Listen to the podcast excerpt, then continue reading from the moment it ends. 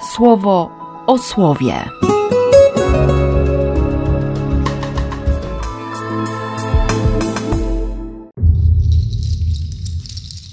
Czternasty lutego, poniedziałek.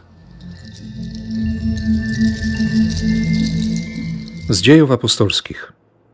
W następny szabat niemal całe miasto się zebrało, by słuchać słowa Pańskiego. Gdy jednak Żydzi zobaczyli te tłumy, unieśli się zazdrością i rzucając obelgi, zaczęli występować przeciwko temu, co mówił Paweł. Wtedy Paweł i Barnaba śmiało powiedzieli: Trzeba było, aby Słowo Boże najpierw wam zostało ogłoszone. Skoro jednak odpychacie je od siebie i nie uważacie siebie za godnych życia wiecznego, to zwracamy się do pogan. Pan bowiem tak nam nakazał: Ustanowiłem cię światłem dla pogan, abyś był zbawieniem aż po krańce ziemi. Poganie, słuchając, radowali się i wysławiali słowo Pana. Uwierzyli ci, którzy byli gotowi do życia wiecznego. Słowo Pana było roznoszone po całej krainie. Angelii według świętego Łukasza. Potem wybrał Pan innych siedemdziesięciu dwóch i posłał ich przed sobą po dwóch do każdego miasta i miejscowości. Z Ewangelii według świętego Łukasza. Potem wybrał Pan innych siedemdziesięciu dwóch i posłał ich przed sobą po dwóch do każdego miasta i miejscowości, dokąd sam iść zamierzał. Mówił im: Żniwo rozległe, robotników mało. Poproście więc Pana żniwa, aby wysłał do swojego żniwa robotników. Idźcie, oto ja was posyłam jak owce między wilki. Nie noście trzosa, ani torby, ani sandałów i nikogo po drodze nie pozdrawiajcie. Gdy do jakiegoś domu wejdziecie, najpierw mówcie pokój temu domowi.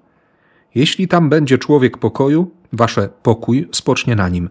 Jeśli nie, wróci do was. W takim domu mieszkajcie, jedząc i pijąc to, co jest u nich, bo robotnik zasługuje na swoją zapłatę. Nie przechodźcie z domu do domu.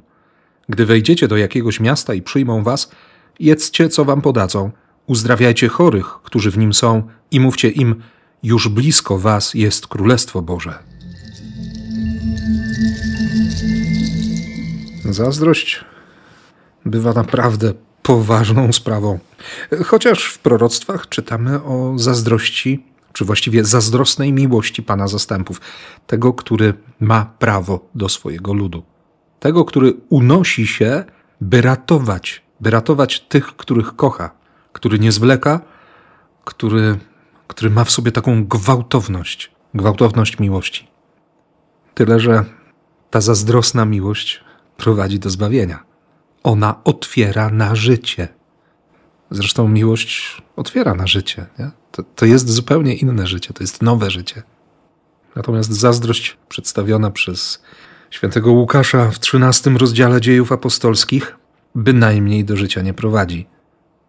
Żydzi zobaczyli tłumy, bo tydzień po głoszeniu Pawła i Barnaby w Antiochii i jeszcze długich dyskusjach po nabożeństwie synagogalnym na kolejne nabożeństwo, w następny szabat, niemal całe miasto się zebrało. I wierzący, i niewierzący, i poganie, i, i Żydzi. No, wszyscy przyszli, żeby słuchać słowa życia. Słuchać słowa życia. I wtedy na scenę wchodzi zazdrość. O słowo życia. Rzucając obelgi, zaczęli występować przeciwko temu, co mówił Paweł. Jeszcze mi się kojarzy dzisiaj od rana Jan Chrzciciel, nie? Który mówi tak mocno, że, że przyjaciel oblubieńca po prostu doświadcza, doznaje pełni szczęścia, kiedy widzi radość swojego przyjaciela, który, który staje się panem młodym, który doświadcza miłości, przekonuje się o miłości, daje tę miłość, przyjmuje tę miłość. No jest wesele. Dlatego Jan mówi tak mocno: Trzeba, żebym ja się umniejszał.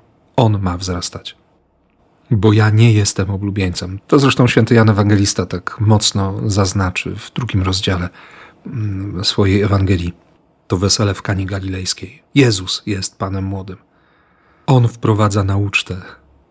Tę, która, która jest brudna, która jest nieczysta, która nie rokuje zbyt wielkich nadziei, nie? a którą przedstawia te sześć stągwi z kamienia wybrudzonych, stojących przed domem weselnym to jest o każdym z nas. Dlatego Paweł i Barnaba mówią bardzo śmiało: Trzeba było, aby Słowo Boże najpierw wam zostało ogłoszone. Skoro jednak odpychacie je od siebie, nie uważacie siebie za godnych życia wiecznego, to zwracamy się do pogan. Tak, dystans, nie? Niebezpieczny dystans przed Słowem Bożym. Mam wyrzut sumienia, spory wyrzut sumienia, że tak często odpycham Słowo. I bardzo się cieszę, że dzisiaj Cyryl i Metody, i Walenty też przypominają mi o tym, kim jest ten, który stał się Słowem, który wchodzi w Twoje czy w moje życie jako, jako Słowo, który ma troskę o nas. To mi dzisiaj też Mateusz uświadomił, w sensie sąsiad z parafii Miłosierdzia do Astyka, którego świetny komentarz jest w domu Józefa, gorąco polecam, jaką Jezus ma troskę o ziarno. Po to jest żniwo, żeby, żeby ochronić ziarno. Część ziarna będzie przeznaczona na, na siew, żeby wzeszło nowe zboże. Część będzie przeznaczona na zmielenie, na, na czystą mączkę dla chleba, tak, dla, dla pożywienia. Ale jeśli żniwo zostanie na polu, w naszych realiach jeszcze bardziej ostatnio, zaczyna gnić, marnuje się, po prostu się marnuje. Jezus ma troskę o nas. Dlatego posyła tych, którzy, którzy zadbają o żniwo, którzy czasami będą jak owce między wilkami i będą owcami do końca. Nie przyjmą, nie, nie przyjmą skóry wilka. Nie przebiorą się, nie będą udawać. To trochę tak jak Walenty, święty Walenty. Umacniał, rozdawał Eucharystię, umacniał braci prześladowanych, lata 260. Końcu sam został aresztowany i, i ścięty. Nie? Bóg ma troskę. I tak sobie pomyślałem, że, że po to słuchamy słowa, i ty, i ja, żeby się zatroszczyć o innych. Żeby nasze życie, twoje i moje, było takim konkretem, było takim światłem też. Nie?